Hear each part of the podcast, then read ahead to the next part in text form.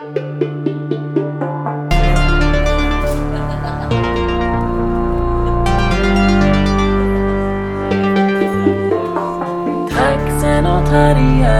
taxenotarien, Taxenotarien, taxenotarien, taxenotarien, taxenotarien. taxenotarien, taxenotarien. Hej! Hej.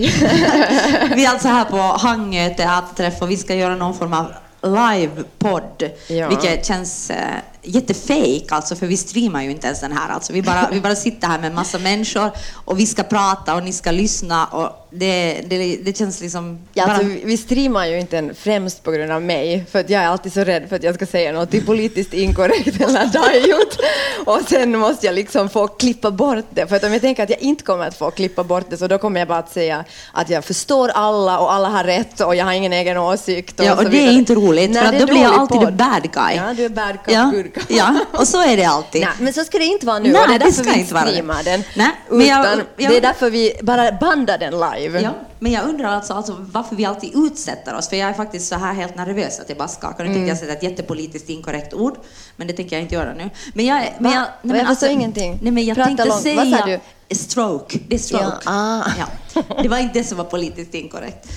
Men, Okej. jag, men jag fattar inte varför vi utsätter oss alltså för sån här skit. Ja, men det är För på att alltså, alltså, det är ni som är skit. Men alltså, jag menar, Verkligen att liksom, var, varför vi utsätter oss för sånt här, för att jag är jättenervös nu och jag liksom tänker att varför måste jag alltid sätta mig i situationer där jag sätter mig i pisset? Ja, det är någonting, det är någonting med dig. Det, det är liksom någonting i din personlighet. Ja, det är Men samma vet du som vad? att- Det, du kräver det också av andra. Ja, Så jag är jättejobbig. Ja, men därför tycker jag att det är helt rätt eftersom jag tycker att du kräver ofta att människor ska på något sätt liksom vara där och utsätta sig och, och liksom på riktigt liksom arbeta och så här. Men då tycker jag det är bara rätt att du kräver det av dig själv också. Exakt! Nåja. Som med den där föreställningen som vi gjorde när vi liksom bestämde att vi ska sjunga 11 låtar. Nej, 16 låtar. Och jag har, liksom, alltså jag har trauman från musikundervisning så jag bara började gråta första gången vi kom in till sångcoachen. Och sen tänker jag att jag ska göra en hel konsert med 16 låtar. Det är att sätta sig i pisset. Mm. Det är sant, det är sant. Och det tycker jag att vi nu hyllar oss själva för, Ja. för att vi har satt oss själva i Och pisset. vi är här i pisset tillsammans med er. Ja, och det här är alltså en podcast, eller som vi har lärt oss, Podcast. Eller något, något sånt, så, ska man uttala det. Och det där, ehm, det är ju inte en diskussion, så om ni har frågor, fråga dem inte. Nej. Är det inte ungefär så? Bara jag. Jag får Ja, fråga du får dig. fråga mig och jag får fråga dig. Ja. Eller sen kan ni vara anarkister som Joanna och bara fråga i alla fall. Men jag menar, vi säger... Vi, Jag brukar alltid bara skrika. Det funkar i alla situationer. Exakt, så, som igår natt. Ja, Då igår natt skrek jag väldigt mycket på klipporna. när vi hade en... I alla fall, vi har några ämnen som jag just nu inte kan komma ihåg ett enda av för att jag är så sjukt nervös. Men du har dem där så vi, vi kommer sen fram till och, dem. och det här är alltså ett samarbete med förlaget. Förlaget. Förlaget, förlaget, förlaget. Nu har vi Ja. sagt det, för vi glömde det i slutet förra gången. Ja, det Och var shame on us, Ja, verkligen. Så nu har jag sagt det. Samarbete med fantastiska förlaget. Som är ett förlag. Ja. det är lika roligt varje gång. Ja, haha. Ehm, och eh, senast hade vi ju extremt mycket teknikstrul. Igen. PGA mig, för att jag på något sätt har blivit satt i någon ansvarsposition av dels mig själv och dels dig. Ja. Och det där, men för då, att jag är mer tekniskt begåvad Ja, jag vill verkligen använda ordet begåvad. Ja. det är ett Men det är därför du gör jag det vet, för att jag är tekniska så nu. obegåvad så att jag ska lära mig. Ja, jag var i pisse hela tiden. Nåja. Jingel på det. Jingel på det, för fan. Sorry Christian, du måste få mera varning nästa gång.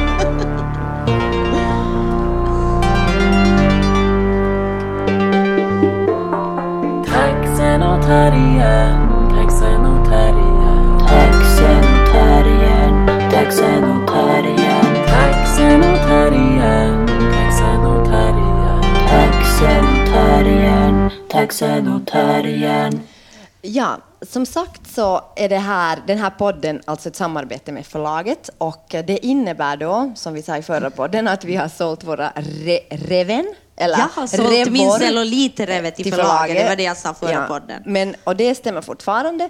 Och det kommer att stämma för de följande eh, nio avsnitten inklusive det här avsnittet. Då. Och det innebär då att vi läser en bok per, eh, per avsnitt. Och så, Eller du har lov att läsa och jag har lov att försöka. ja, för att jag är mer begåvad på att läsa än du. Du är begåvad på att läsa på beställning. Ja, okej. Tack. Och det där, så vi har då... ehm, Uh, ja, och då har vi eh, alltid uh, tänkt att vi diskuterar en bok per avsnitt. Och uh, nu var det inte så mycket att välja mellan, för att det är inte så mycket som förlaget har hunnit ge ut ännu. Så förra avsnittet talade vi om Västerlinnea och Monstermamman. Och nu ska vi då prata om en bok som heter Terminal, som är skriven av Hannu Raitila. Så vi får väl säga att vi inte har valt den här boken, utan den här boken har valt oss. Det var ett fint sätt att säga Ja, det på. verkligen. Det där, nå, Nå, vad har alltså- du för filisar? Att Ska, ska, ska vi ta bara allmänt först eller? Nå, ja, alltså jag, jag läste den där, den handlar om resande faktiskt. Jag läste Mm. den när jag var på väg till Grekland. Så det var liksom ganska absurt på något Mm. sätt. Men jag tyckte jättemycket om den där boken. Och jag, jag, jag, vet inte, jag, jag tänker inte recensera en bok, för jag tycker inte att det är min uppgift att recensera den Nej, där boken nej. överhuvudtaget. Nej. Men, jag, men jag, liksom, jag har bra filis. Det har jag också, och jag verkligen kan säga det med så här gott samvete, därför för att jag trodde verkligen inte att jag skulle ha det. För som vi eh, talade senast så, så har vi ju inte, jag har verkligen inte läst böcker av manliga författare på jättelänge. Och det är helt ett så aktivt val som jag har gjort. Jag att jag, slutade någon gång på Teaterhögskolan och sen det Ja. har jag liksom bara tänkt att det finns andra som kan läsa manliga författare, jag kan läsa någonting annat. och sen har jag inte läst dem. nej, men jag bara tänker känner att- jag inte jag är inte målgruppen för dem. Och det är ju jättefräckt kanske att tänka. Men det jag tänkte på i den här Mm. boken jättemycket, det var det liksom att, ehm, som jag tyckte var ett sådant genomgående eh, tema.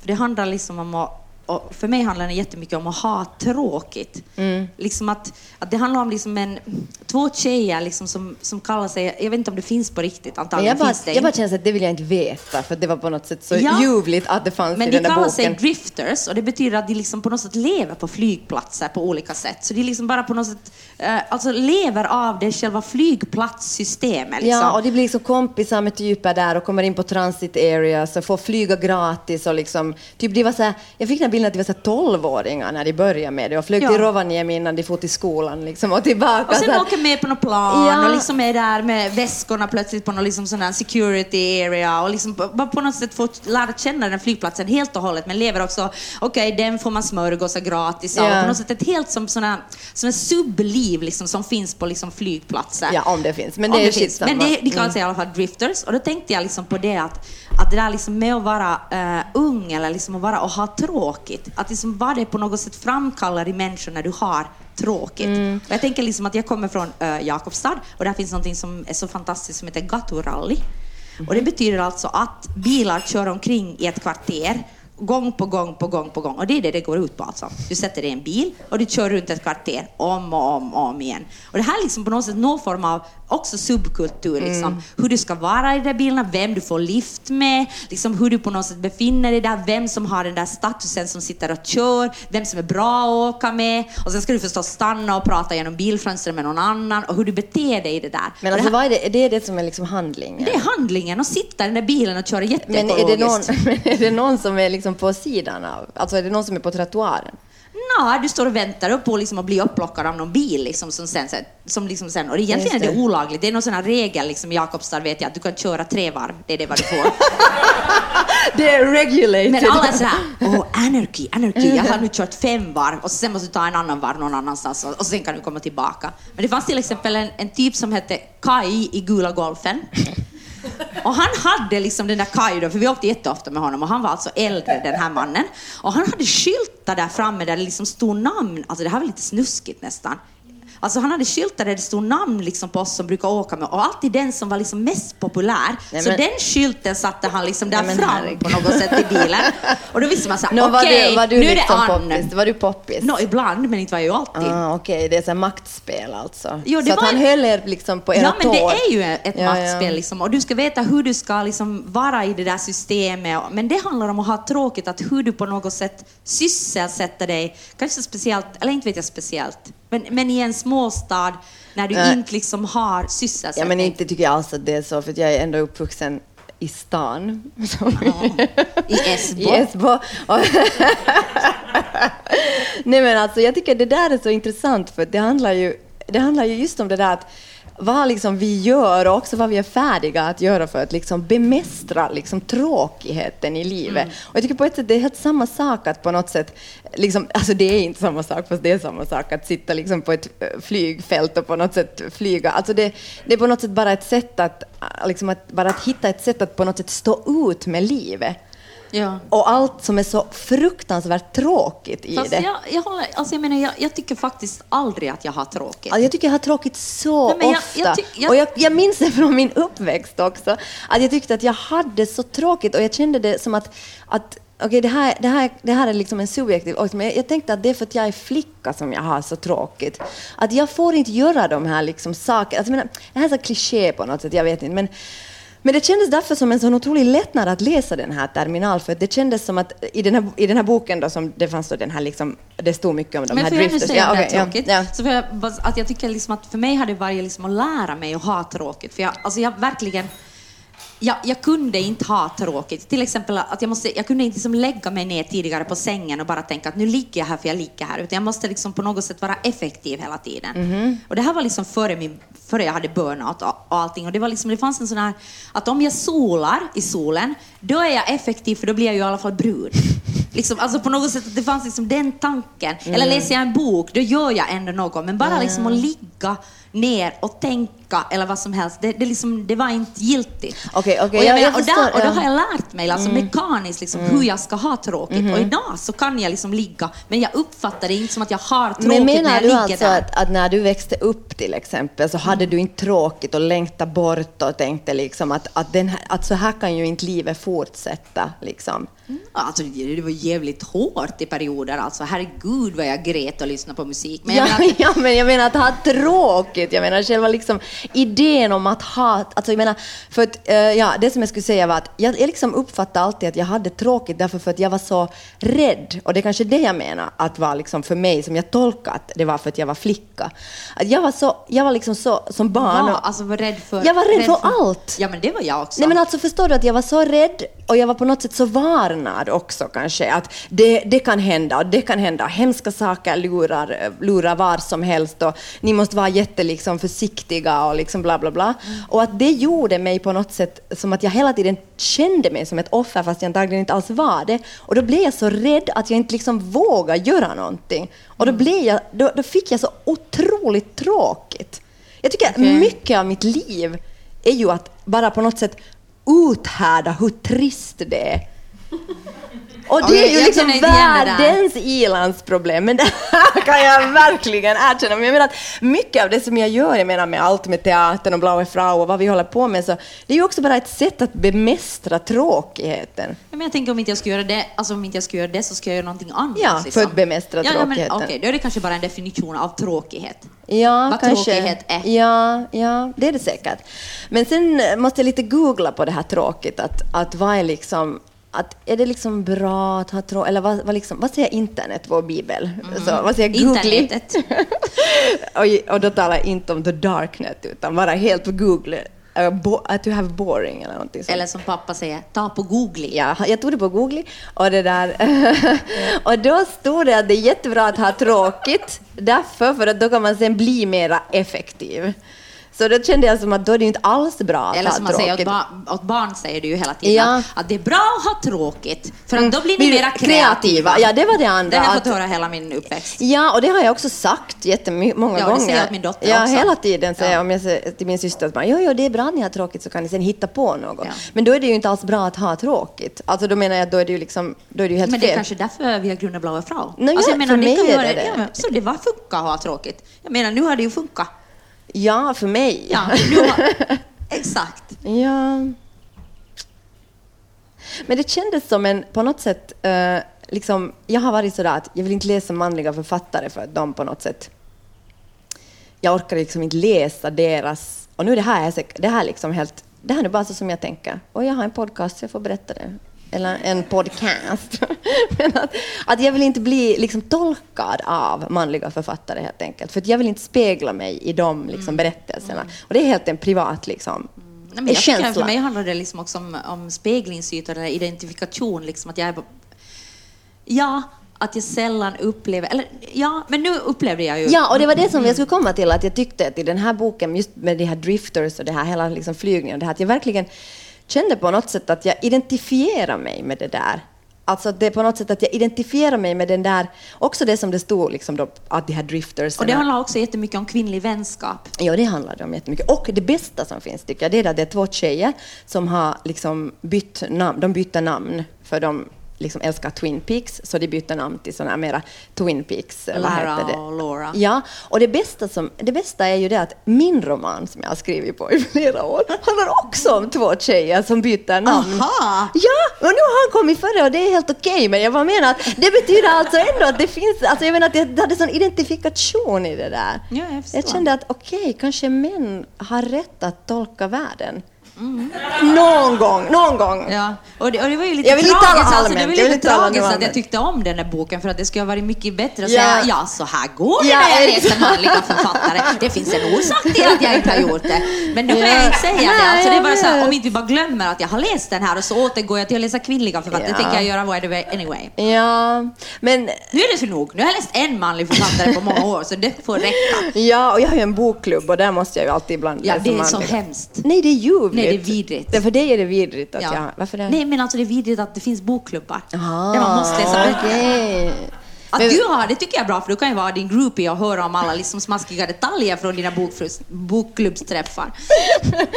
Där måste jag alltid ibland läsa manliga författare. Ja. Och det som, är- det som slog mig faktiskt med den här boken också var det att jag tycker att nu har jag då i min, i min bokklubb, som är min enda litterära referens, annat än förlagets hästkatalog, så det där, äh, har jag nu läst två manliga författare och i båda mm, de böckerna så förekommer det och faktiskt också många, alltså det här är inte, det här är inte enbart liksom nu om manliga författare, men alltså det förekommer så otroligt mycket äh, sexualiserat våld gentemot de här kvinnorna. Och det förekommer så otroligt mycket, inte kanske själva det där våldet, men det förekommer så extremt mycket liksom, hot om Ja, då sexualiserat kanske du ska våld. fundera på vem du har bokklubb med. Det, det ska jag inte fundera på. Det är världens bästa människa. Förutom dig. Du är ännu bättre än dem. Jag men, vet. nu är, I alla fall. Så vad heter det nu? Alltså tänkte jag på att den här, i den här boken, om det handlar ändå liksom om unga tjejer som reser liksom över hela jordklotet och de liksom på något sätt lurar, lurar sig till de här platserna på de här flygen och de betalar inte för dem och det är liksom en sån här hel kultur var de kan liksom, de har möjlighet att resa. Att liksom, de kan alla regler. Alltså, Ja. men de kan alla regler. De har liksom... men då satt jag hela tiden och väntade på det där att okej, när kommer det till den punkten att de på något sätt ska, liksom, att de förväntas göra en tjänst tillbaka, att det finns liksom en sexualisering kring deras liksom varande där.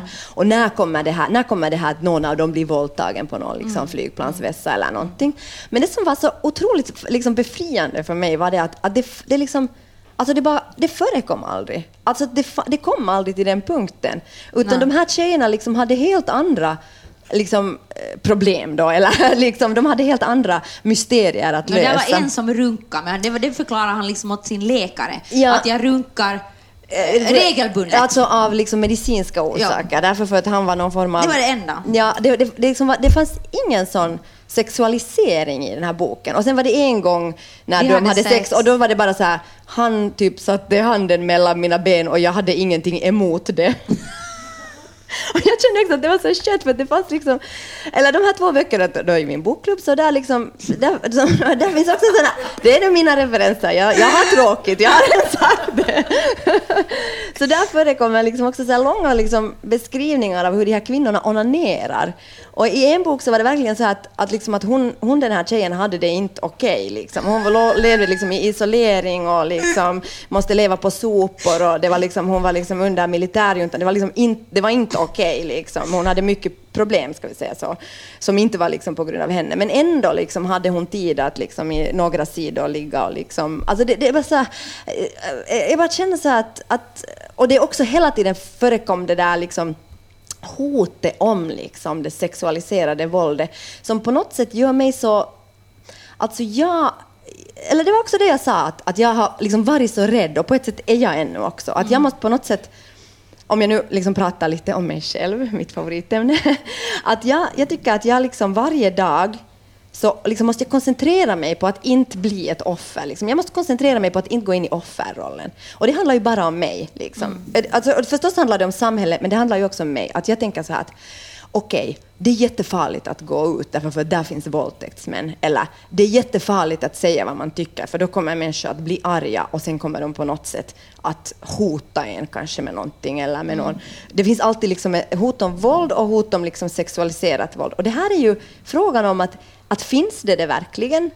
Eller eh, finns det liksom också det? Men det är ju Förstår du vad jag menar? Jo, jo, men det är ju någonting som är in, inlärt för så slags alltså, från, från början. Men jag menar att jag, jag känner inte igen det där, för att jag, liksom, jag tror att, att där skiljer vi oss jättemycket, för jag sätter mig aldrig i den där offerpositionen. Mm. Alltså jag menar, jag har aldrig heller varit uh, jag har aldrig speciellt, nej jag har aldrig varit rädd för att bli våldtagen. Mm. För jag har alltid tänkt att jag kan slå ner dem. Mm. Och det kan du antagligen, alltså, för du är freakishly ja, Jag vet att jag är helt sjukt stark. men, att jag, men jag menar, alltså det, det är helt orealistiskt om liksom tio män det hoppar på mig. Men, ja, jag Menar att, men jag menar oberoende så har jag tänkt att, liksom att, att om jag går ut nu, det är ingen som kan våldta mig. Nej. För att jag, jag, jag kan bara liksom jag kan bara på något sätt slå ner den. ja, ja, men för och jag, jag menar, då tror jag inte att jag heller sätter, alltså jag sätter mig inte liksom i offer. Jag tänker inte liksom att det är farligt. Jag mm. tänker inte liksom att jag, jag tänker är liksom, ett offer. Jag tänker alltid att jag är det. Jag tänker alltid att på något sätt att jag är liksom, alltså att jag är jag är så jävla rädd liksom. Mm. Och jag tänker så att, okej, okay, uh, nu har jag gått i terapi i två år och det där och nu så kom jag liksom fram till det här att, att i hela mitt liv har jag liksom försökt liksom hålla rädslan på avstånd. Att det är det som är liksom min energi har gått åt liksom till olika strategier. Att liksom bara hålla rädslan liksom borta mm. från mig. Mm. Men nu har jag liksom så småningom börjat tänka att det är inte, liksom, alltså det, det är inte bra. Mm. Att, att på något sätt så måste jag liksom bli den där rädslan, om du förstår vad jag menar. Mm. Men, det, men det är då som jag blir på något sätt jättestressad av till exempel den narrativen att alla kvinnor blir hela tiden tafsade på när de går ut på krogen. Till exempel sådana här hashtag-narrativer, att vad det nu finns. Liksom. Och jag förstår, alltså, jag förstår att det ska finnas och jag förstår att vi ska prata om de sakerna. Och det har vi också gjort. Och det har vi gjort. Men, men jag, jag tycker ändå, mm. liksom, någonstans känner jag alltid att men, men jag vill inte identifiera mig med den där. Det måste fin få finnas liksom flera narrativ och det är där jag tror att liksom... Nej, jag menar, och det där blir inte problematiskt för mig överhuvudtaget, för jag tycker att båda narrativen finns. Liksom. Mm. För att det inte finns en identifikation. Alltså, jag menar, ja, för att du? du inte identifierar dig så starkt med bara det ena. Nej, och jag har blivit tafsad på jag menar, 170 gånger. Jo, jo. Men jag menar att, att det är ju inte liksom... Men jag, men jag känner inte liksom att det är där som det är där jag är. Liksom, jag är inte den som blir tafsad på. Jag är inte offret. Nej, nej, nej, nej. Det förstår jag. Men varför är det då, varför är det då viktigt att prata om det? För att andra blir det? För att andra blir tafsade, för att det finns överhuvudtaget. Jag menar, alltså det är inte problematiskt. Jag tycker att det är problematiskt att det finns tafsade. Men jag menar, det, är det tycker jag också. Det tycker jag också. Men jag menar att jag tycker inte att det är problematiskt att prata om det överhuvudtaget. Alltså det är inte liksom provocerande för mig. Okej, okay, så för, för mig att... är det provocerande därför för att jag liksom på något sätt identifierar mig så starkt med det liksom rädslan av att bli tafsad på eller rädslan av att bli liksom utsatt för sexualiserat våld. Så att jag på något sätt tänker att om vi nu bara pratar om det här så blir det sant. Att vi måste också prata om det andra, att det är inte så farligt att gå ut. Mm. Det är inte så farligt att liksom... Och jag tycker att det finns liksom hur mycket som helst i samhället hela tiden överallt, att vi inte pratar om okay. saker. Så du menar att båda narrativen finns? Ja, jag, tänker, jag mm. tänker det och jag tänker att liksom att... Då är det att, kanske jag som är fixerad vid det här narrativet. Ja, absolut. Ska vi ta jingel på det? Absolut. Christian, är du med? Jingel. Sorry, det var jätte, jättedålig.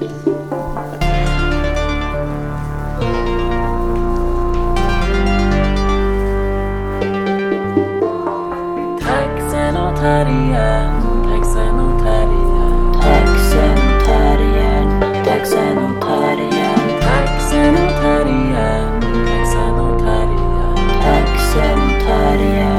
och terriern. Alltså vi är ju Oj. här och hör på en jingel. Världens bästa jingel av systraskap Ja, faktiskt. verkligen. Det är en duo från Sverige. Som, eh, alltså, som jag är bara så här, wow. Som också har skrivit all musik till vår föreställning 11. Ja, som vi turnerar med nu. Reklam, reklam. Mm, bra. Vi är ju här på Hangö teaterträff och gör alltså en livepodd. Och uh, Hangö teaterträff, alltså det är liksom för mig, um, det är ganska svårt för mig att vara här. på, på Hangö teaterträff. Jag, har liksom, jag märker att jag utvecklar sån här tunnelseende för att jag, jag tror att i Blaue Frau, alltså i vår teatergrupp, så jobbar vi så jättemycket liksom utanför de finlandssvenska kontexterna. Och vi liksom sätter oss på något sätt också och väljer att vara utanför. Så egentligen, enda gången jag är i en riktigt finlandssvensk kontext, det är liksom på, på Hangö teaterträff. Så det är alltid liksom sådär skräckblandad förtjusning som jag kommer hit och eh, jag utvecklar sån här tunnelseende, liksom att jag på något sätt har skygglappar liksom för, för, för sidorna och liksom bara stirrar rakt fram. För jag tänker att okej, om någon hälsar på mig så är det någon snäll människa som vill mig väl. Så att jag, liksom, så att jag inte liksom måste se alla människor åt sidan så här, haha, och så säger någon som att nej, shit samma. Men det, men det är liksom, alltså det är bara svårt för mig att vara här. Och jag liksom och jag har funderat ganska mycket över att varför är det så svårt att vara en del av det finlandssvenska? Varför är det så svårt för mig att vara en del av det finlandssvenska teater, på något sätt världen eller teaterklimatet? För det är det, det är jättesvårt och jag, liksom, jag vill inte identifiera mig med det. Och då tänkte jag på den där eh, artikeln som Janne Wass faktiskt skrev i Ny Tid för, för några veckor sedan, kanske. Där han pratar liksom om finlandssvenskheten som en enhet.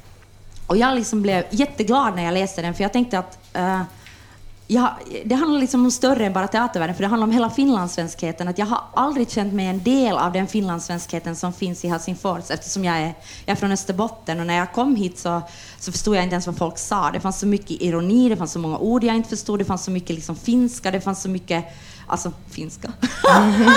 det fanns så sjukt mycket finska. Jag växte upp utan finska. Vad är det där jävla, det där jävla ugriska språket? Men jag menar, men jag menar att, att, att Oho! Ja, men no, alltså, ja, alltså, så var det verkligen när jag kom. Och, jag Ja. menar att, och jag menar att det är liksom på något sätt, och den finlandssvenskheten på något sätt som finns här har ingenting med min med min liksom referens till finlandssvenskhet att göra. Jag, menar, jag har inte ens samma referens till barnprogram eller sånt. Jag har inga referenser till... Alltså, jag har inte samma uppväxt. Och ingen har väl samma uppväxt. Men att jag blev bara så glad såg att, att det finns liksom ändå på något någon standard uppfattning om att den finlandssvenskheten som finns här, i, eller i, i Nyland eller i Helsingfors, det är den finlandssvenskheten som är något.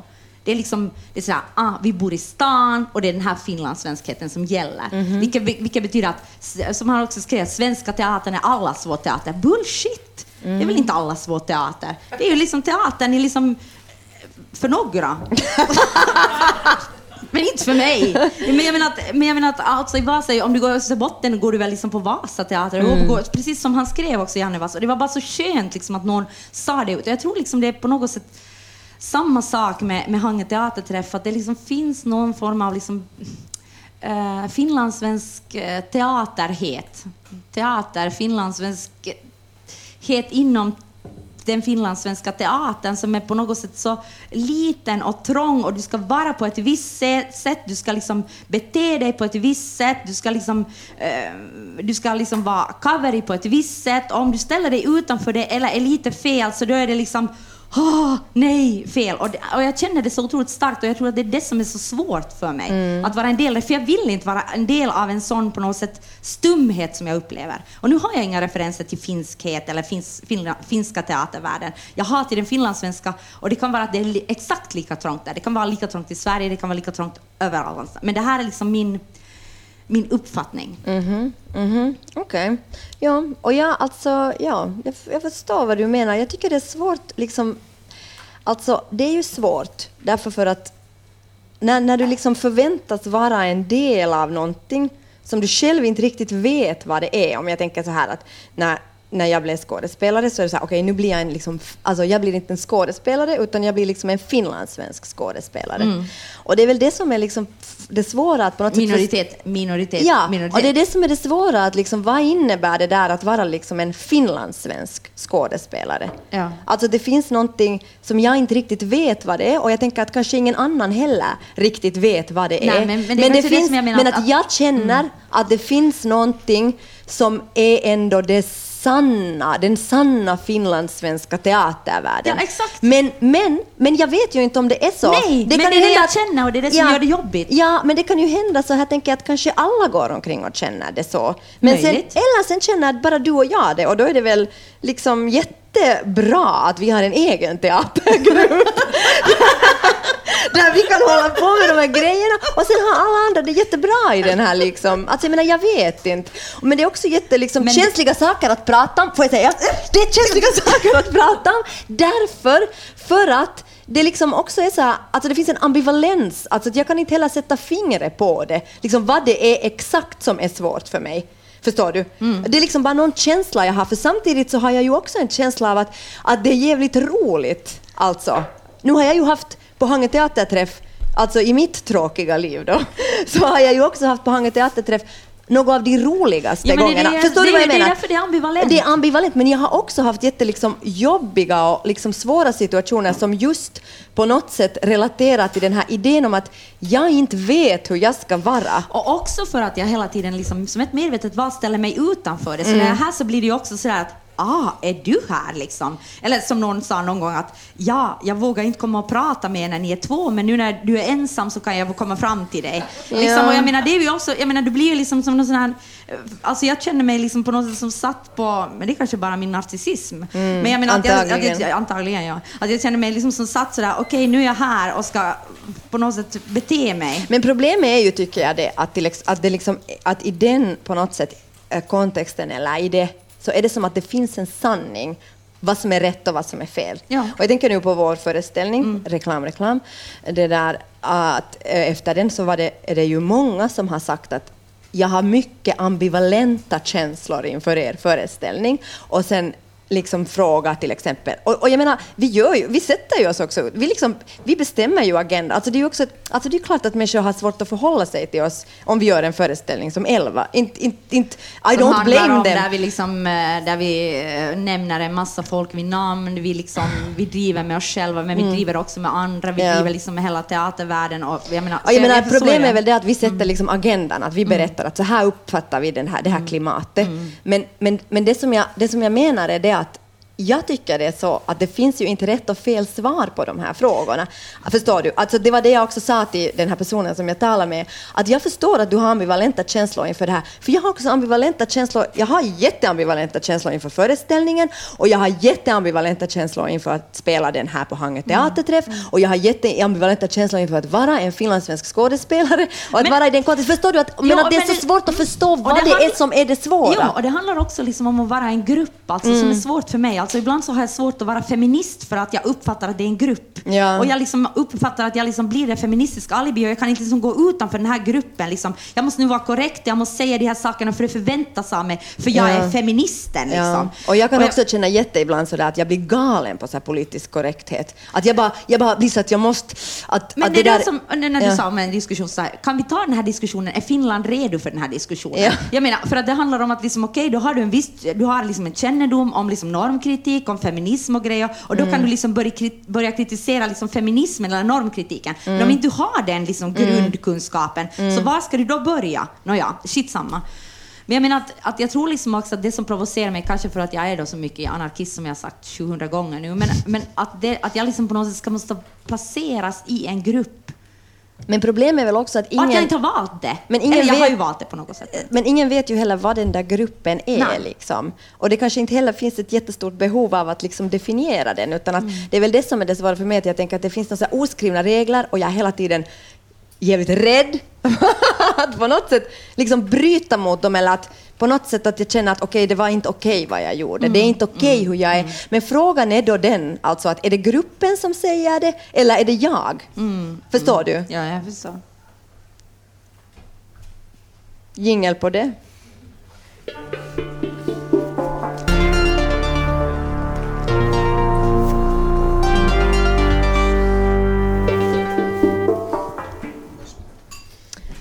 Okej. Kan vi ta den en gång till så får vi lite...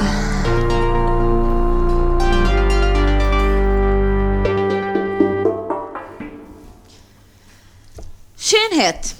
Har du sagt att skönhet? du vill prata om? Det är för Jag att du är så vacker. Det, var- det, åh. Okej, nu är podden slut. Jag fick höra vad jag. Att jag är vacker. Nej, men alltså jag ehm, läste på internet en grej där... ehm, vad heter hon? eh, sångerskan Alicia Keys hade skrivit ett, eh, med ett, ett brev i det här Lenny Letter, som är det här Lina Dunhams... Um, vad, vad kan man kalla det för? Någon form av um, mm, nyhetsbrev? Ja, som ja. skickas alltid nu och då. Typ, och jag, Blogginlägg, någonting sånt. Ja, och jag vill ju for the record säga att jag älskar Lina Dunham. Mm. Men jag blev så jävla provocerad av den här texten. Mm. Alltså jag blev så... Alltså jag blev faktiskt rosenrasande. För det, är liksom, det var en sån text där det stod att okej, att, att nu ska vi alla kvinnor sluta sminka oss, därför för att det är liksom en på något sätt patriarkal... Fast det skrev hon inte. Nej, men okej. Det skrev hon inte. Det, där är, nu håller du på, nu gör du det här, nu gör du killgissa. Det där var en killgissning. Nå, läs det där Eller förbannade texten själv och sen kan Hon ni... sa att hon har slutat sminka sig, PGA, det. men hon sa inte att vi alla, det var ingen uppmaning till jo, alla. det var visst en uppmaning. Det var ju någon sån hashtag som vi nu alla skulle börja använda. Ja, men det var inte så, hon sa att jag tycker att alla, hon, det var inte liksom en sådär att, att hon shameade ingen. Var det så? Okej, men jag upplevde mig otroligt Ja, shamead. men det var inte så. Nej, det var inte en shaming. Okej, men i alla fall. Nå, sen tog då det här HuffPost, eller Huffington Post, eller någon annan populär sajt tog då upp det. Och kanske det var där som att, att de älskar henne så mycket därför för att, för att hon nu kan också liksom existera utan smink och att det är nu jättebra. Och jag bara hatar det här. Alltså shit samma vad som är stått eller inte, googla det och läs det själv för fan. Men alltså, jag, jag blir så arg på den här frågan. Jag tycker den fan i mig en icke icke-fråga. Alltså hur kan det vara möjligt att vi kvinnor ska sitta och fundera på om det är rätt eller fel att vi sminkar oss? Alltså finns det inga andra viktigare frågor? Alltså jag, jag blir så arg på det. Men vet och det är också en shaming mot mig. Jag är snyggare i smink. Jag vill vara snygg. End of discussion! Alltså, jag fattar inte vad det finns mer att prata om. Jo, men Nej, vänta. det finns men, ingenting. Jo, men får jag säga, men får jag säga, jag menar om du pratar om, det är detsamma med den här Hair Riot-kampanjen. Jag tycker det är exakt samma sak. För att det handlar om liksom att det finns en norm. Nej, för men- Hair Riot, men- det är snyggt med hår tyst, under armarna. Tyst. Det finns, jo, men alltså det är samma sak. Det finns en norm. I, i, idag är normen den, okej, kvinnor ska raka sig, kvinnor ska sminka sig. Det är normen. Okej. Och jag menar, om du ser på liksom det faktum så är det så att 50 procent alltså, av. Under de senaste åren så har det ökat skönhetsoperationer med 50 procent. Du har någon jävla statistik Ja. som du har dragit fram här. Polit... Ja. Oho. Det har ökat med 50 procent. Det är... Och det har blivit billigare och mera lättillgängligt. Källa vadå? Källa... Källa internet.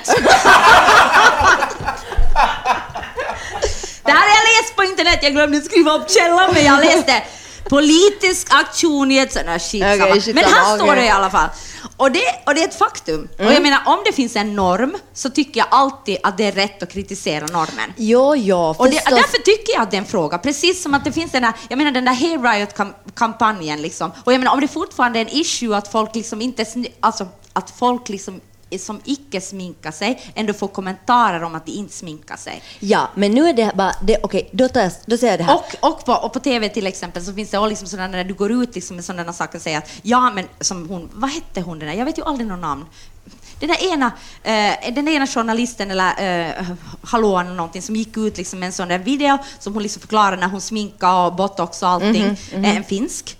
Nå, Rakel Lieki, Tack. tack. Yes! Okej. Hon gick ut med en sån här video där hon liksom, äh, Rakel Lieki, hon gick ut med en video där hon liksom pratade om att där hon liksom noggrant gick igenom okej, allt vad hon gör för att få mera jobb, mera pengar och vad det betyder. Liksom, i- ute. Okej, jag sätter in liksom det här, det här gör jag för det här, jag sminkar mig på det här sättet för att det är bevisat att om jag ser ut, vänta, om jag ser ut på det här sättet, om jag gör de här sakerna så får jag mera pengar, jag får mera jobb och det är också bevisat också liksom i de där sakerna att du blir mer tilltalad liksom på krogen. Så det, jag menar, det finns ändå om du är sminkad. Alltså att en kvinna som är sminkad så får eh, mera Eh, uppmärksamhet och mera tilltal på en krog än en kvinna som inte är sminkad. Källa internet. Okej, fine. Jag förstår det där. Det är norm. Jo, jo, men alltså jag bara menade att jag tycker problemet här är precis just det. Att istället för att då kritisera någon, en struktur eller en norm eller kritisera det på liksom ett lite kanske bredare plan så blir det igen som alltid när det handlar om kvinnor att det blir personliga val.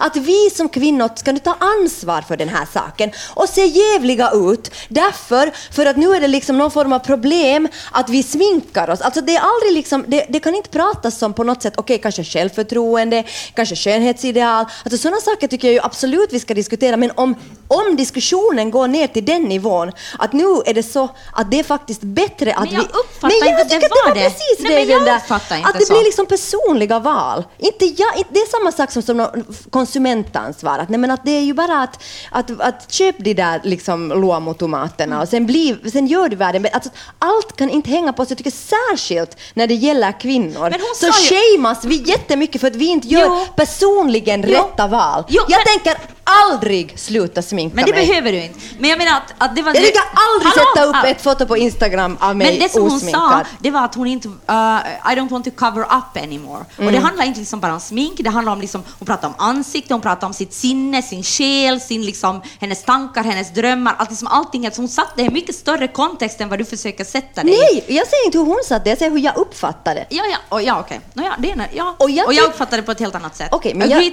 to disagree. Okej. Men, nej, vänta, jag har ännu en sak. jag tycker ändå att det finns liksom... Att jag bara undrar att måste vi prata om skönhet i de termerna? Att är vi snyggare eller fulare utan smink eller och så vidare? Att kan vi få prata om några andra saker?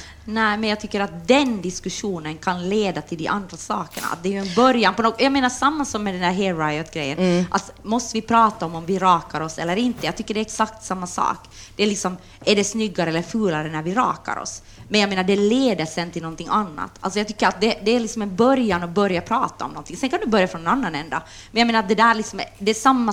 Det är samma Okej, liksom, jag accepterar den här diskussionen endast om den liksom leder till en diskussion om mera liksom eh, strukturella problem. Ja, men- Då kan jag acceptera den, men, Men, jag tänker inte ta jag den. på det. Nej, Jo, och jag men- menar, jag menar, det, handlar väl, det handlar väl liksom om ett val. Det handlar ju inte om att du ska sluta sminka dig. Det handlar Jag väl tycker det var precis det som det handlade om. Nej, Att det var det hashtag handlar- att vi ska alla sätta ut bilder av oss själva utan Nej, det smink och handlar om- hashtag det handlar- so natural, hashtag woke up like this, hashtag palla palla palla. Fuck that på riktigt. Okej. nu. Taxen och terriern, taxen och terriern. Taxen och terriern, taxen och terriern. Nå, alltså, Vi har ett ämne kvar, eller egentligen två. men vi ser. Men det här, eh, vi har pratat jättemycket om, alltså eftersom vi på något sätt har blivit uh, uh, provokatörer. Alltså vi har inte bara blivit det, vi har ju också gjort Alltså jag menar... Nej, ju, nej, men alltså vi har... Jag, alltså, jag menar, men- det är jag ju inte bara så att det har kommit från himlen. Nej, nej, men jag menar att liksom. ibland... Alltså, det här är provokatörerna. Men jag menar, ibland så upplever jag inte liksom att jag har gjort ett aktivt val. Alltså ibland Okej. så upplever jag liksom att med vissa föreställningar eller vissa saker vi gör så jag, gör jag inte ett aktivt val att vara en provokatör. Jag tänker inte att nu ska jag provocera. Nej, det tänker jag aldrig. Vet du, på det det sättet- jag inte, på men det jag förstår jag- att jag gör det. Jo, det, det kan jag liksom, jag är förstå. inte, det är inte en posering, så, ah, varför är ni så Nej men, provocerade? ibland, nej, men ibland så förstår jag faktiskt inte vad jag har gjort som har blivit, varit så provocerande. Nej, nej, nej. Så det beror också liksom på helt på vissa saker som jag tror att jag har liksom provocerat med så blir det inte alls eh, Nej. provokativa. Alltså Nej. jag menar uppfattas inte som provokativa. Men jag menar, vi, dels med den här podcasten alltså som, som ju startade en shitstorm liksom i season one. Mm. Alltså verkligen när vi blev kallade både sannfinländare och jag vet inte allt vad vi blev kallade, eh, mobbare och hatretorik och det ena och det andra. Alltså det var en lång lista på saker vad vi var. Eh, Men, men också liksom alltså med, med vår senaste föreställning, Elva, som vi och där vi då liksom, där vi, där vi då också har blivit mm, tagit rollen som provokatör. Och jag menar liksom, jag, jag, jag är ju anarkist. Så det är, inget, det är inget problem för dig? Så jag menar att jag, jag liksom, jag, jag kan nog förlika mig liksom med, den där, med den där rollen av, av provokatör. Att det är liksom inte så, jag är väldigt lite konflikträdd tror jag. Att jag, liksom, jag, jag, kan, jag kan gärna ta en konflikt, men jag tänker att, att där vi skiljer oss, liksom, tänker jag, som har varit intressant att se bara hur vi reagerar på det där ehm, när, när det då kommer någon sån här shitstorm till exempel. Så det är ju det att du är mest rädd liksom innan shitstormen kommer. Men sen när shitstormen är där, då tar du ju det jättebra. Så jag menar, så du tar ju de konflikterna jättebra. Ja, ja, ja. Medan jag tycker att jag är liksom helt orädd före den kommer, men sen när de kommer är jag bara såhär ah, kan inte du ta det här samtalet? Att jag menar bara att vi går liksom, vi går liksom lite i olika... Ja, ja, jag tycker det är liksom svårt, därför för att liksom, ibland känns det som så här att om man bara säger någonting så blir man en provokatör. Alltså, att, Alltså det, man. Man, en. Förlåt, förlåt, förlåt att jag säger man. En, en, en. Det där, eh, vad heter det nu, att, att, att, och det kan jag känna att kanske har då dels med finlandssvenskheten att göra också liksom med då det här teaterklimatet. När det är så litet så blir det som att, att, det var som vi sa just före, att det är som att om du bara tar, liksom att det finns en hatt liksom som är den som säger någonting och sen nu har jag den här hatten och nu är jag den här provokatören. Liksom att, att det är ingen liksom verklig liksom identitet utan att det är bara att om någon säger någonting så blir den provokatören. Så kan jag känna. För Nej, men, det tycker jag handlar om stumheten som jag Mm, upplever liksom att finns i, i, i svensk Finland. Eh, och att om du då på något sätt eh, öppnar upp för något eller liksom pratar om Mm. något som vi har kommit överens om att vi inte pratar om eller som ingen annan pratar om eller som många pratar bakom varandras ryggar om, Mm. så då är det liksom då, då har du liksom gått över någon linje som, är, som du egentligen inte får gå över. Eller som är liksom jättefarlig Mm, Men att- det handlar ju också om ett grupptänkande och det, det förstår jag. Alltså, det är ju lätt för oss för vi är en grupp, i, liksom, vi är ju en enhet i sig. Så jag En menar att- härlig liten en enhet. härlig mysig enhet. Men jag menar att, att det är ju inte ett problem för oss liksom, på det sättet eftersom vi står ju inte ensamma liksom, som den där provokatören. Mm. Utan vi är ju ändå på något sätt alltid liksom, har vi ju varandra att liksom pejla Mm. saker med. Men jag har nog, jag tycker liksom, alltså, och det här, det här är nu lite med risk för att liksom, eh, tappa all kredibilitet. Ja, men det har du gjort redan. det är är. Så jag tycker inte om att vara provokatör. Alltså. Jag tycker inte om det för att jag känner att då är jag liksom i ansvarsposition, att då måste jag ha svar på frågor. Och jag liksom...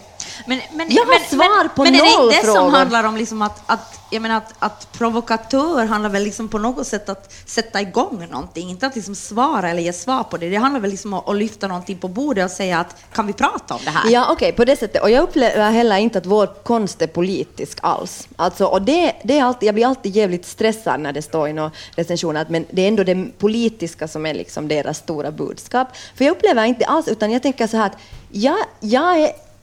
Jag, jag försöker ju bara kommunicera mina liksom, känslor inför den här världen och inför de här på något sätt problemen och de här mysterierna som finns. Jag uppfattar det inte som politiskt överhuvudtaget. Och det är väl samma sak som att jag uppfattar mig inte... Att jag förstår, jag förstår verkligen att vi är liksom provocerande. Jag förstår det verkligen. Men jag menar, min avsikt är sällan att... Och det är ju många som säger att nu måste ni förstå att människor blir arga. Till exempel nu på vår föreställning när jag talade med en kompis så sa hen att det är väl också är en av idéerna med föreställningen är väl att göra folk arga. Och då tänker jag så här, Ja, jag kan förstå att det ser ut så. Men det aldrig Men varit- det är nej. inte min avsikt. Alltså jag som avsändare har det inte som avsikt. Men jag måste ju liksom erkänna att jag kan förstå att det blir så. Mm. Och då är ju den stora frågan är ju det att varför håller vi på med, eller varför håller jag på med det här? Men jag gör ju det därför för att jag uppfattar det liksom, jag uppfattar det inte som en provokation. Jag uppfattar det inte som politiskt. Jag uppfattar det som att jag har ett ärende som jag måste få på något sätt diskutera för annars får jag för tråkigt. Ja, men jag menar också att om du, om du jag tänker också i privatliv, alltså bara i, i, inte inom teatern, jag menar att om du tar en diskussion eller om du liksom Mm. tar en konflikt, så blir du ju lätt en provokatör. Jag tänker liksom på Tyra skola, alltså min dotters skola dit jag ringt 750 gånger, mm. tror jag att de uppfattar mig som en otrolig provokatör Det där. tror jag också. Alltså för att jag bara inte tycker att, alltså, alltså jag menar, när, det, när, när jag tycker att saker är skit så säger jag till och då Mm. blir du ju lätt en provokatör.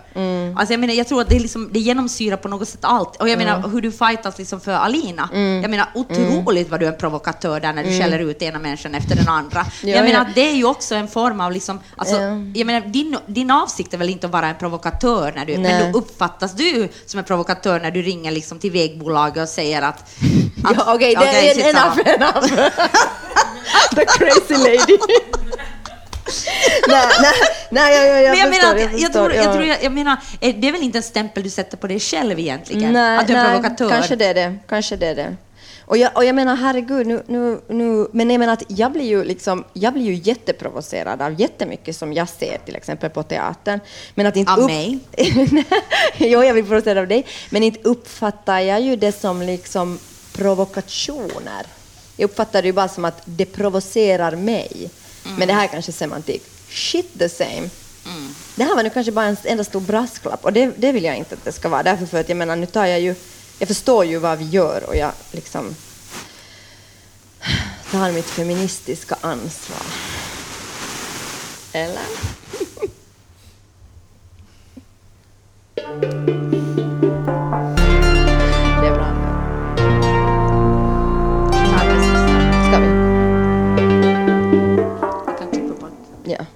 Nå, vi tar ännu ett ämne. vi har ännu lite tid. Eh, jag, jag läste... Mm, häromdagen så läste jag att eh, det var en studerande, från, eller en, en magister faktiskt, från, eh, från Teaterhögskolan. Som, det är jättemycket teater nu, men det är bra. Vi är på Hangö teaterträff, alltså, teaterträff. varför ska vi inte prata om teater? Jag håller med dig Men, 100 att, men teater är ju större än livet. Så jag menar att här är det ju... Ja, teater ska vara blod och svett och tårar. Det är ju som livet. Vem var det som hade Vi gör inte klassiker, vi gör kommande klassiker? Jag vet inte.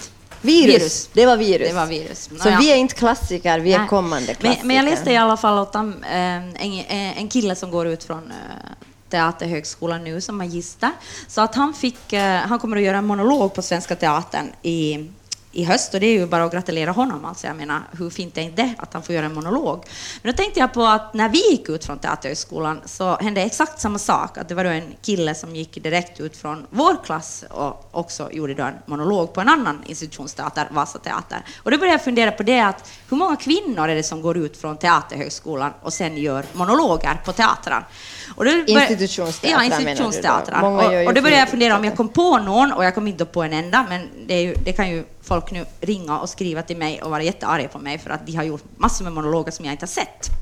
Men eh, då tänkte jag på det här att, att, liksom att, att det verkar ju som att ingenting har, ingenting har hänt. Att det här är ju, vi gick ut 2001 och nu är det då 2016, så det är ju alltså 15 års axel och det är exakt samma saker. Uh, och, och, och också liksom det att jag, uh, jag, jag, jag kollar också liksom hur många av de studerande som går ut nu, alltså vad fördelningen är med jobb. Och det betyder att alla sex killar som går ut har fått jobb på institutionsteater, alltså det här är nu den information jag hade för kanske två veckor sedan, men att det är bara liksom två tjejer som har fått uh, arbete på institutionsteatrar. Och det tycker jag också säger någonting, om du tittar på statistiken liksom på teatrarna som jag också har gjort så är det när jag då har tittat på hemsidan så är det på Svenska Teatern så är det liksom 10 män, 7 kvinnor. Virus har jämnt. Uh, Lilla Teatern har ingen info, men Vasa Teater så har sex kvinnor eh, och tre män. Bravo Vasa Teater. Unga Teatern har fyra män, tre kvinnor. OST sex män, två kvinnor. Eh, så jag menar att jag menar det, det, det är ganska samma på något sätt statistik, kanske lite bättre att här är Vasateatern då som har flera kvinnor än män av skådisarna och Virus då som har jämnt. Men att annars så är det ganska samma statistik tycker jag som när vi gick ut. Och, eh, och jag tänker, då kommer ju alltid den här kvalitetsdiskussionen, alltså när, när, när du påpekar sådana här saker, att, att ja, men, men, eh, men vi tog bara det vi tyckte var bäst, eller liksom hade de kvaliteter vi sökte. Och förstås har det att göra med att hur teatern ser ut, att det finns flera roller för män. Men att eh, påstå, liksom att gå in i den här kvalitetsdiskussionen eh, och säga att ja, men, men killarna var bättre, så kan jag säga att det är ju, det är ju bara bullshit, för att liksom, den diskussionen orkar jag inte ens ha mera idag. Att, att det liksom... Mhm, mhm. Jo, jo, alltså jag, jag har ju sagt till dig att jag har lite svårt med den här diskussionen. Alltså dels för att jag tycker att statistiskt så är det svårt att säga, alltså man borde liksom ha, men, alltså, men då säger du ju så att men så här ser det ut just nu. Liksom. Så här ser det ut just nu. Och Och, det är ju också, också, men- frågan, liksom, som jag säger, att jag menar, om du tänker på, vi ska göra en produktion liksom, som faktiskt handlar om Jim Carrey, det är en hel produktion tillsammans med en, en svensk. Jag hatar Jim Carrey, jag vet inte varför vi gör det, men det är kanske det här med att sätta sig i pissen. Men, men, att, men att i alla fall så ska hela, hela, för, alltså hela föreställningen ska handla om Jim Carrey. Alltså varför är jag med i den? Nåja, men det är tillsammans med en svensk grupp och det kanske blir intressant. Nåja, men då är, med Jim Carrey är det ju ofta så, liksom att, eller vad jag har förstått, jag har ju inte varit där på plats när de då har gjort sina filminspelningar, men jag har förstått att, att han, han är framför kameran och folk säger till honom ”do your thing”. Och jag tänker att hur många kvinnor är det liksom som är i den positionen att, att du får stå framför kameran och sen säga ”do your thing”? Och jag tycker liksom att det är lite samma med det här. Alltså jag jämför då, jag jämför då de här de här killarna som kommer ut från Teaterhögskolan med Jim Carrey. Att jag menar att, att, jag, att jag upplever att det är en... Att jag säger så här, fan, Svenska Teatern, Vasateater, Åbo Svenska Teater, Virus, Unga Teatern, ta ert fucking ansvar. Om ni anställer män, så se nu till att ni då också anställer kvinnor. Titta på er statistik, det är inte så jävla svårt. Ge de där fucking människorna som kommer ut från Teaterhögskolan jobb och se till så att både kvinnor och män får jobb. Jag tycker att jag tycker de har ett ansvar. Jo, jo, såklart har de ett ansvar, men jag tänker bara så här liksom att, att ja, de här institutionsteatrarna, sorry nu, men liksom jag menar att varför ska man, alltså jag orkar inte med den här diskussionen, ärligt talat, för jag tycker det är så här att, att fuck the Nej, institutionsteatrarna. men det är lätt för dig att säga, du sitter i en fri grupp Ja, och liksom lyfter arbetsstipendium. Du kommer ju inte ut direkt från Teaterhögskolan och inte ha Nej, jobb. nej, nej, det okej, är väl men- jättelätt att Jo, sitta där på din vet, röv och ja. säga liksom att... Nej, men du sitter på din röv. på vems jävla röv ska jag sitta Inte då? på min. Nej, exakt. Nej, alltså jag förstår det, men jag bara tycker att den här diskussionen liksom snurrar i de här samma liksom banorna nu, liksom år efter år. Och det verkar ju Ja, då... det är ju det som är så Ja, och det är tragiskt. det jag Exactly menar, att kanske vi point. borde göra liksom revolution från ett annat liksom perspektiv.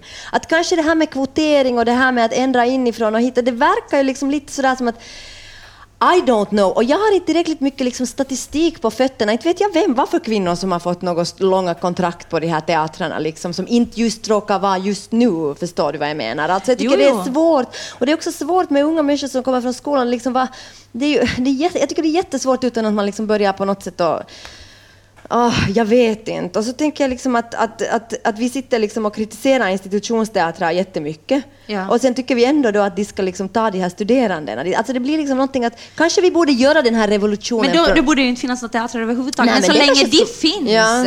så har de väl ett ansvar? Ja, Tycker ja, jag. Men visst har de det, men det känns också lite sådär som att... Alltså för mig är det sådär att ska vi... Ja, ja, ja, visst har de det. Du har helt rätt. Och, och, och, alltså det har du helt rätt i, att de, de har ett ansvar så länge så, som, som det finns. Jag tänker också liksom att... Nej, men alltså det finns ju på något sätt alltså det där utrymme också liksom för... Jag menar det som händer liksom, tänker jag på Teaterhögskolan, när du hela tiden, om du på något sätt är medveten om liksom normkritik um, eller feminism eller liksom... Så, så jag menar, det blir, det blir svårare för dig på Teaterhögskolan. Alltså det, det är så, för att... Alltså för jag tänker så här att när du blir medveten om saker så blir jag också medveten om liksom vad människor kan plocka upp. Jag tänker på till exempel när jag gjorde en, en produktion med en um, litauisk regissör efter Teaterhögskolan. Och jag menar att det enda som min energi gick åt i den produktionen, det är att försöka snika till mig repliker och ta utrymme. Alltså jag till, till och med tog över hela replikskrivande för vi gjorde devising-metod, så att jag skulle kunna skriva till lite fler repliker liksom åt de två kvinnorna, mig och en annan, för att annars skulle männen ha haft alla repliker. Och jag menar, och, och också liksom det att skapa det där utrymme på något sätt på scenen, och sen, det viktigaste av allt, det, det här är min point, det att jag inte erbjuder liksom stereotypa kvinnliga saker eller anspelar på sex. För att då plockar regissören upp det. Vilket Mm. betyder att jag måste liksom, när jag står på scenen så kan jag inte vara fri och erbjuda vad som helst, utan jag måste liksom börja begränsa mig och göra mig mindre och tänka liksom före jag erbjuder något. För att jag tänker att okej, i ett Ja, du devising-projekt måste tänka för jag måste tänka regissören, för ja. regissören, för jag tänker jag kan inte erbjuda det nu, för då vet jag att den regissören som inte är medveten om normkritik Mm, äh, kommer att plocka upp exakt de där sakerna. Och det som hände i den produktionen, det var att eftersom jag vägrade att vara liksom horan och jag då var för ung för att vara modern, så blev jag ju då en liten flicka istället. Tolkningen av mig och hans tolkning av liksom mig, så var så här, oh, you are the child. Mm, Liksom Det, fick, det fanns ingenting annat. Det fanns liksom horan, modern eller så the child, alltså då oskulden kan du ju säga. men- Och jag tror att det här är detsamma liksom som, som händer liksom många gånger liksom på, på, på också scenskolor eller, eller på teater, att du, att du liksom som kvinnlig konstnär, och då tänker jag att, att vad fruktansvärt hemskt. Alltså jag menar, nu behöver vi ju inte göra det i Blaue Frau, för att här, där skapar vi på något sätt någon form av safe zone, där vi kan liksom göra vad vi vill. Men jag menar på teatrar där det inte där det inte ibland finns och där det inte finns liksom den här medvetenheten, så måste du ju hela tiden begränsa dig. Och vad gör det med dig då som skådis? Ja, fast det där, det där, och det där handlar ju liksom, tycker jag, om blicken och det handlar ju om sexualiseringen. Och det var det som jag också pratade om, om vår föreställning e-, efter här, så var det någon som sa att men, men ni tar ju liksom makten när ni gör den här föreställningen. Och så sa jag, jo men det är därför för att som skådis, eller åtminstone har jag upplevt mig som skådis, som så otroligt maktlös. Alltså som regissör, som drama, dramaturg, dramatiker har du ändå en annan makt, därför för att du har blicken på. Du ser det utifrån och du kan säga, så här läser vi det, så här ser vi det. När du gör så där så uppfattar vi som så. Som så. Och då är du ju som skådis alltid helt och hållet beroende av andra människors på något sätt blick på dig. Och då är det, och som kvinna är det ett problem i det här liksom samhället. Därför för att det Helge. finns så jävla mycket sexualisering och så jävla mycket shaming kring sexualisering och så mycket shaming kring hur du ser ut, om du sminkar dig, om du inte gör det, har du hår under armarna. Alltså alla sådana här saker som egentligen är helt oviktiga börjar bli viktiga. Och då måste du själv på något sätt göra så här val att okej, men jag är den här typen som har smink och jag är den här typen som har hår under armarna. Och sen är jag den typen som liksom kan erbjuda sex, liksom sexualitet, men sen vill jag också liksom... eh, ha nå- alltså förstår du, att det blir liksom som att vi hamnar hela tiden göra de här valen och det är hela tiden sån här, en dialog som pågår i ditt huvud och därför, det var det som gjorde att jag inte mera stod ut med att vara skådis. Och det För gör att ju dig ofri. för det Alltså, gjorde mig dels ofri, men det gjorde mig också liksom på något sätt så förvirrad. För att jag förstod inte mera, liksom, vad är det jag går ut med, vad är det vi berättar, vad, liksom, vad är det som händer? Jag förstår ingenting, det är alltid en annan människas blick som på något sätt ska avgöra vem jag är och jättemycket i förhållande till sexualitet. Och det, liksom, det håller jag med om att det är ett jättestort problem för mig, alltså för mig personligen. Taxen och terriern, taxen och terriern. Okej! Vi har en förmåga att göra jättelånga poddar. Det är också anarki. Det är alltid. Det var bra men lite kortare. Jag tänkte- Hej, vi måste tacka Hanna Mikander. Det får vi inte glömma. Därför för att hon räddade oss på förra podden när vi hade så mycket teknikstrul och det gick allt åt helvete. PGA moi. Och eh, Hanna Mikander, eh, hyllningar och kärlek till henne.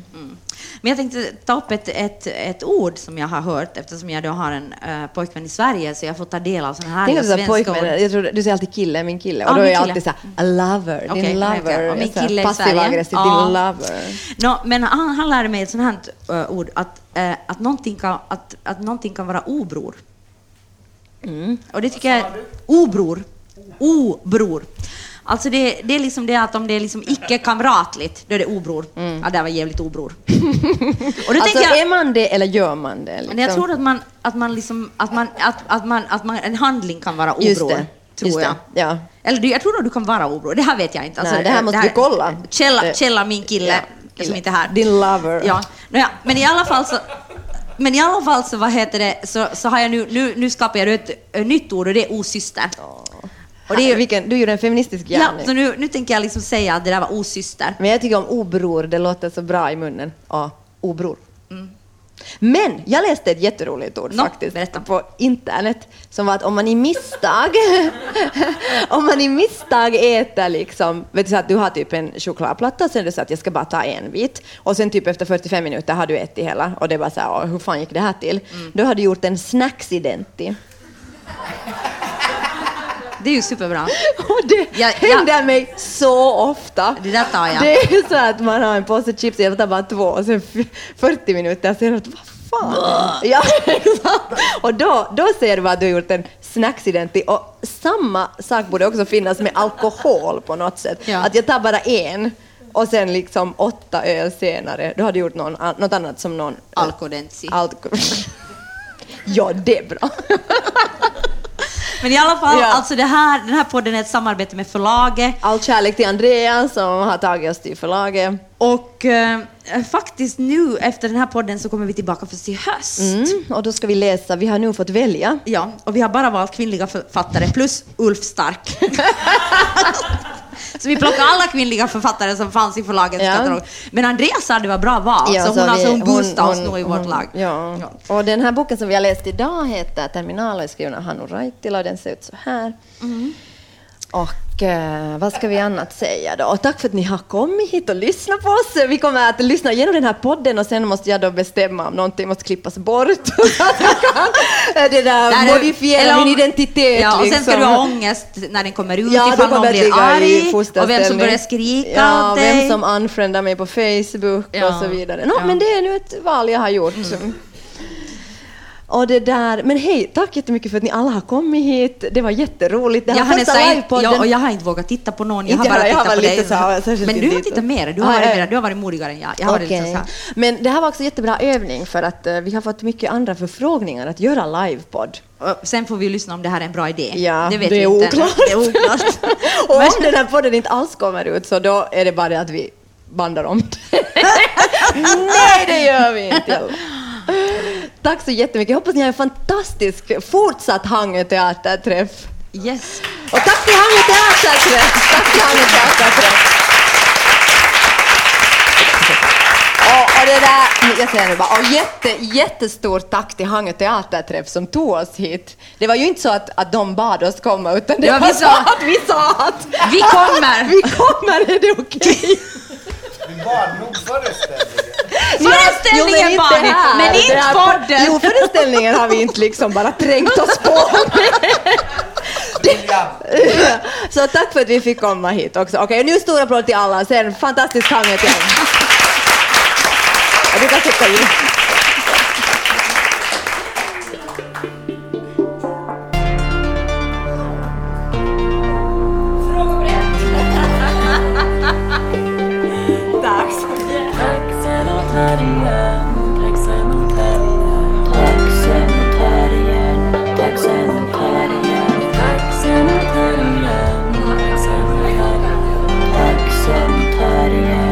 Taxen och